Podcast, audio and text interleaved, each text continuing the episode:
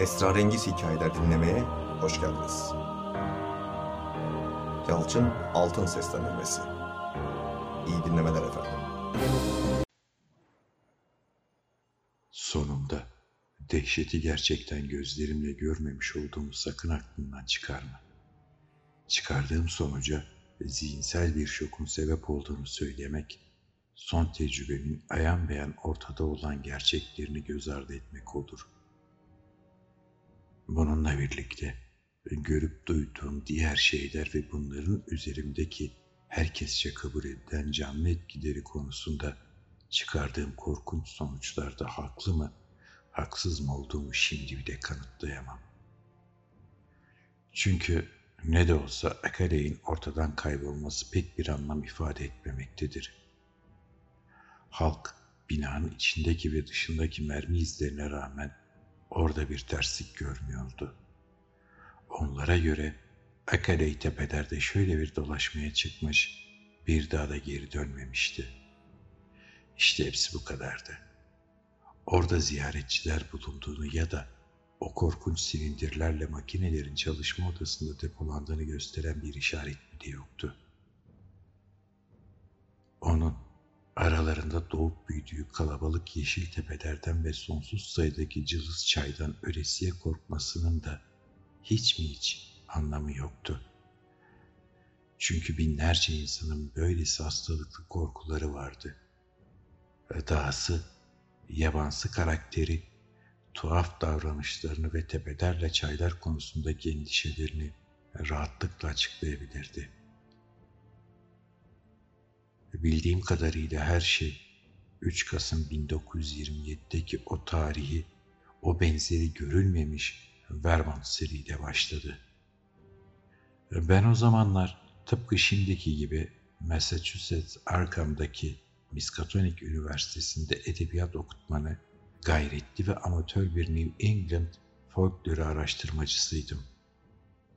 Selden çok kısa bir süre sonra karşılaşılan zorluklar, çekilen sıkıntılar ve kurtarma çalışmaları konusunda çeşitli haberler gazeteleri doldururken kabarmış nehirlerden bazılarında görülen şeylerle ilgili bazı tuhaf hikayeler duyuldu.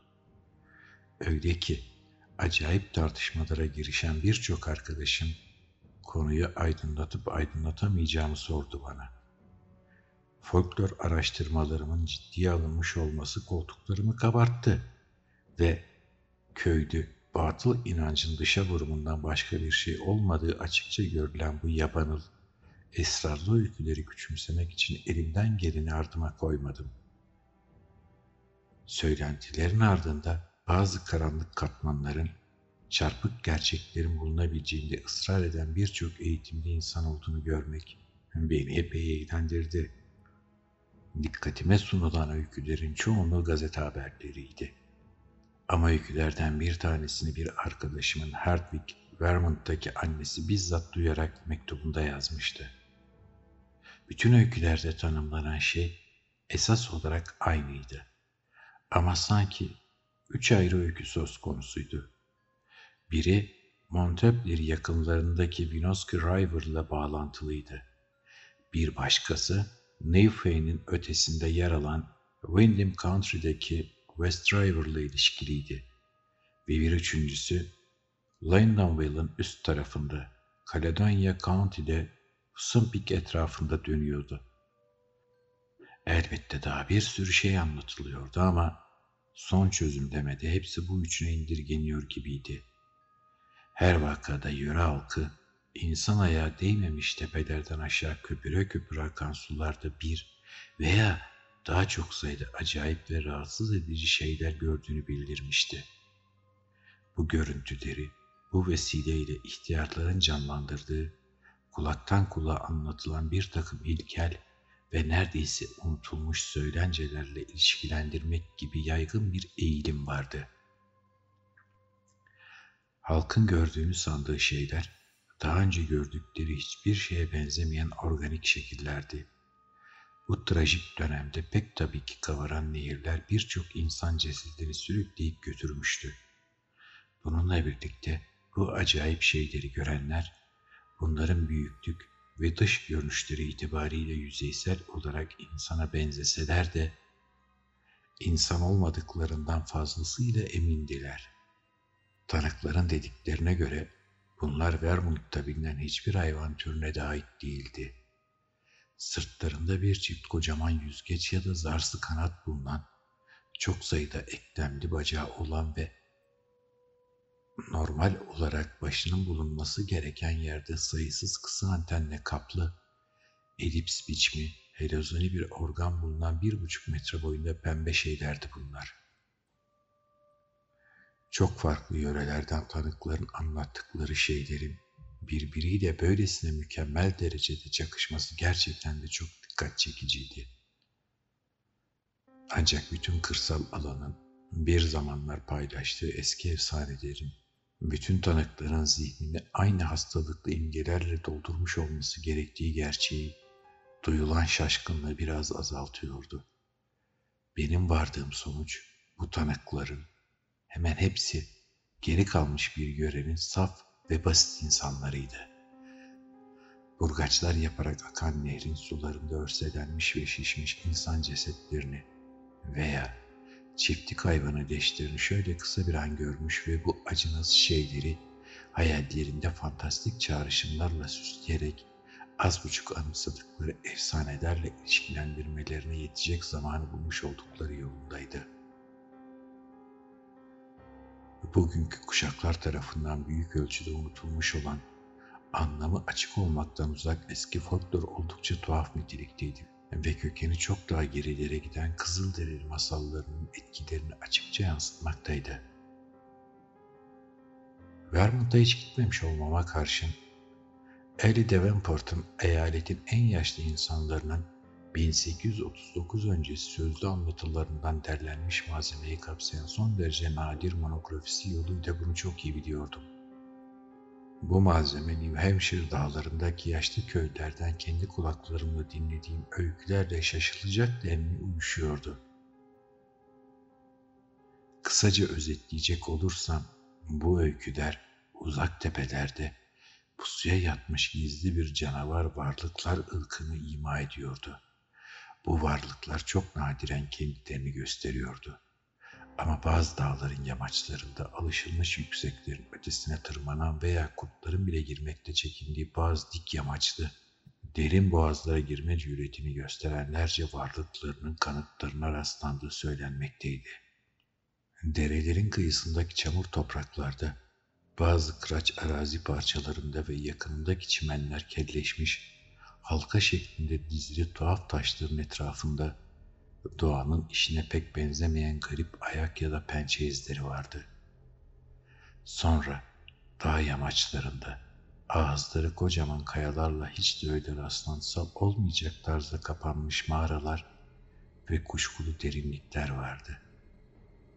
Ve başka yerlerde görünenlerin çok üzerinde sayıda garip ayak izleri, eğer bu izlerin yönü doğru olarak hesaplanabiliyorsa, mağaralara yaklaşıyor ve buralardan uzaklaşıyordu. Ve en kötüsü bazı serüvenci kimselerin en uzak vadilerin ve normalin üzerinde yüksekliklerdeki dimdik ormanların alacakaranlığında çok nadiren gördükleri şeyler vardı. Bu şeyler hakkında orada burada anlatılanlar bu kadar birbirini tutmasaydı bu denli rahatsız edici olmazdı.'' Hemen bütün söylentilerde birçok ortak nokta vardı.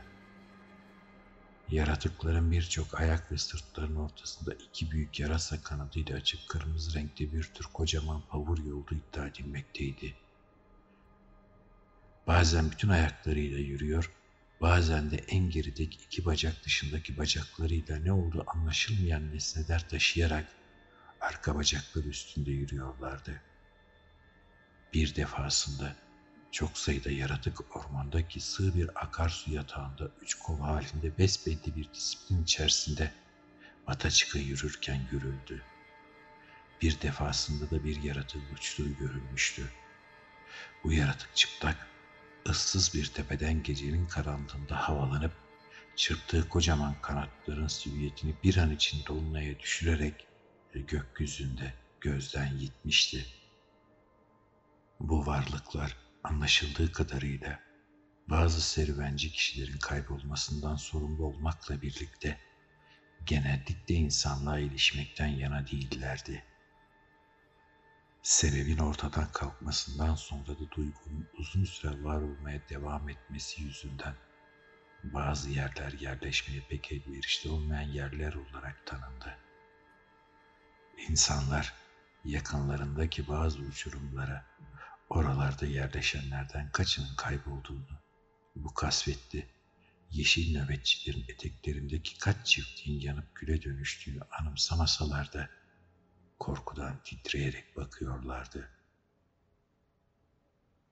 Ama daha eski efsanelere göre bu yaratıklar sadece gizliliklerini bozanlara zarar verirken sonradan bunların insanoğluna karşı merak duymaya ve insanlar arasında ileri karakollar kurmaya kalkıştıkları anlatılır olmuştu. Sabahları çiftliklerin pencereleri civarında gayip pençe izleri görüldüğü ve açıkça perili olduğu bilinen bölgelerin dışında zaman zaman birilerinin kaybolduğu hususunda öyküler anlatılmaktaydı. Bundan başka ormanın derinliklerindeki patika ve araba yollarından tek başına geçen seyyahların insan konuşmasını taklit etmeye çalışan şaşırtıcı vızıltılar duyduğuna ve avluların yanı başındaki kadim ormanda bir şeyler gören ya da duyan çocukların akıllarının başlarından gittiğine ilişkin öyküler dolaşıyordu ortalıkta. Efsanelerin en son katmanında hayatlarının bir döneminde iğrenç bir ruhsal değişiklik geçirmiş olan ve kendilerini tuhaf yaratıklara satmış ölümler olarak herkesin kaçındığı ve hakkında söylentiler dolaşan bazı münzeviler ve uzaklarda yaşayan çiftçilere çok edici atıflar yapılmaktaydı. Kuzeydoğu ülkelerinden birinde 1800'lü yıllar civarında toplumdan kaçan tuhaf kişilikli insanlar iğrenç şeylerin müttefiki ve temsilcisi olarak suçlamak bir moda olmuş gibiydi. Bu şeylerin ne olduğuna gelince açıklamalar doğal olarak çok çeşitlilik gösteriyordu. Onlara yerel ve geçici adlar da verilmiş olmakla birlikte ortak adlar şunlar ve eskilerdi. Püriten yerleşimcilerin belki büyük çoğunluğu onları açıkça şeytanın yakınları olarak görmüş ve korkunç teolojik spekülasyonların temeli haline getirmişti. Kelt efsanelerini miras almış olanlar esas olarak New Hampshire'lı İskoç İrlandalı unsurlar ve onların Vermont on Gravener Wentworth sömürge topraklarına yerleşmiş olan akrabaları onlarla bataklıkların ve ormanların kötücül cinleri ve küçük insanlar arasında belli belirsiz bağlar kurmuş ve kendilerini onlara karşı kuşaktan kuşa aktarılan büyülerle korumuşlardır. Ama en fantastik kuramlar Kızılderililerinkilerdi. Her kabilenin efsanesi birbirinden farklı olmakla birlikte bazı yaşamsal özelliklerde belirgin bir uyum vardı.'' Yaratıkların bu toprakların yerlisi olmadığı hususunda hepsi hemfikirdi.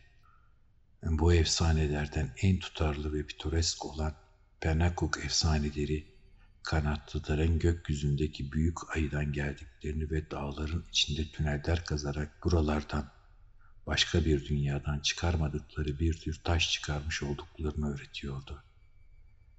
Efsaneler onların dünyada yaşamamış sadece bir ileri karakol kurmuş olduklarını ve kuzeydeki kendi yıldızlarına taş götürmüş olduklarını söylemekteydi. Bu yaratıklar sadece kendilerine çok fazla yaklaşmış ya da kendilerini gözetlemekte olan dünyalılara zarar verdiler. Hayvanlar avlandıkları için değil içgüdüsel nefretiyle onlardan çekiniyor, uzak duruyordu. Yaratıklar Dünyadaki şeyleri ve hayvanları yiyemiyorlardı. Yiyeceklerini yıldızlardan getirmişlerdi. Onlara yaklaşmak kötüydü ve zaman zaman onların bulunduğu tepelere giden genç savaşçılar bir daha geri dönmemişti.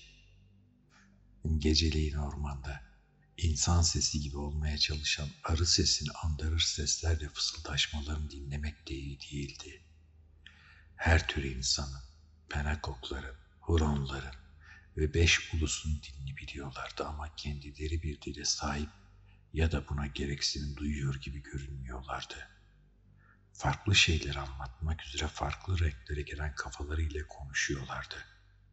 Beyazlarınkiler olsun, Kızılderililerinkiler olsun bütün efsaneler ara sıra atavistik parlamalar dışında 19. yüzyıl boyunca sönümlendiler. Vermontluların yaşam tarzları kesinlik kazandıktan ve sürekli kullanılan yollarla konutları belli bir sabit plana göre kurduktan sonra bu planları şekillendiren korku ve sakınımlar, hatta bu korku ve sakınımların bir zamanlar var olduğu giderek daha az anımsanır oldu. Çoğu insan, bazı dağlık bölgelerin yaşanmaya uygun olmayan, sağlığa zararlı, işe yaramaz ve genellikle şanssız kabul edildiği ve insanın buralardan ne kadar uzak durursa o kadar iyi edeceğini bilmektedir sadece. Zamanla alışkanlıklar ve ekonomik çıkarlar onaylanmış yerlerde öylesine kök saldı ki artık buraların dışına çıkılmasına gerek kalmadı. Perili tepeler tasalanarak değil, kazayla terk edildi. Çok nadiren ortaya çıkan korku dönemleri dışında sadece mucizelere düşkün ninelerle geçmişi özleyen doksanlıklar bu tepelerde yaşayan varlıklardan fısıltılarla söz ettiler. Ama bu yaşlılar bile yaratıkların evlere yerleşim bölgelerinin varlığına alışmış olmaları ve insanların onları seçilmiş bölgelerinde rahat bırakmaları nedeniyle korkmak için hiçbir sebep olmadığını kabul ediyorlardı. Bütün bunları okumalarımdan ve New Hampshire'dan derlenmiş bazı halk masallarından çoktandır biliyordum. Böylece sel zamanı söylentiler ortaya çıkmaya başladığında bunların nasıl bir imgesel arka plandan çıktığını kolayca kestirebildim. Bunları arkadaşlarıma açıklamakta büyük güçlük çektim. Buna karşılık hır çıkarmaktan hoşlanan bazılarının bütün bu anlatılanlarda bir hakikat payı bulunabileceğini ileri sürmeleri beni epeyce eğlendirdi. Bu kişiler erken dönem efsanelerinin dikkat çekici derecede bir süreklilik ve birbirine uygunluk gösterdiğini işaret ederek gerçekten yeterince araştırılmamış olan Vermont tepelerinde nelerin yaşıyor ya da yaşamıyor olacağını kestirip atmanın pek de akıllıca olmayacağını ileri sürüyorlardı. Efsanelerin hepsinin dünyanın her yerinde birbirinin aynısı olduğunu ve düş gücün her zaman aynı tipte yanılsamalara yol açan erken bir evresi tarafından belirlendiğini kesin bir dille anlatmam da onları susturmaya yetmedi. Böylesi asımlara Vermont efsanelerin özü bakımından antik dünyayı faunlarla, orman perileriyle, satirlerle dolduran, çağdaş Yunanistan'ın Karakancalus'unu akla getiren yabanıl Gallilere ve İrlandalılara o küçük ve gizli ırkı o korkunç trogloditleri ve yeraltı tünellerinde yaşayan yaratıkları düşündüren evrensel efsanelerden pek farklı olmadığını göstermenin yararı yoktu.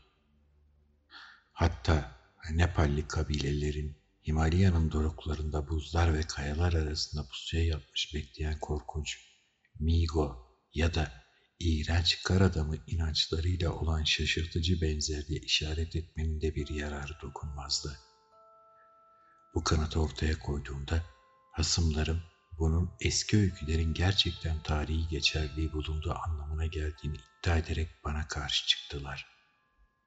Gerçekten var olan bazı eski, tuhaf ırkların insanlığın ilerlemesi ve dünyaya egemen olmasıyla gizlenmek zorunda kalmış olabileceğini ve büyük bir olasılıkla çok azalmış da olsalar epeyce yakın zamanlara kadar hatta günümüze kadar varlıklarını devam ettirmiş olabileceklerini ileri sürdüler. Ben böylesi kuramlara güldükçe inatçı dostlarım kuramlarına daha fazla sarıldılar. Geçmişten miras kalan efsaneler olmasa bile son zamanlarda ortaya çıkan söylentilerin tümüyle göz ardı edilemeyecek denli açık, ayrıntılı ve akla yatacak kadar süssüz bir anlatım üslubuna sahip olduğunu sözlerine ilave ettiler. Fanatik denilecek denli aşırılık gösteren birkaçı, dış dünyadan ve uzaydan sık sık yeryüzüne ziyaretçiler geldiğini ileri süren Charles Ford'un abartılı kitabından alıntılarla dünya dışı gizli yaratıklardan söz eden eski Kızılderili efsanelerinin olası anlamlarına gönderme yapacak kadar ileri gitti. Ama hasımlarımın çoğu Arthur Mahe'nin muhteşem korku öyküsüyle geniş kitlelere ulaşan fantastik pusudaki küçük insanlar söylencesini gerçek hayata taşımakta ısrar eden romantizm taraftarlarıydılar.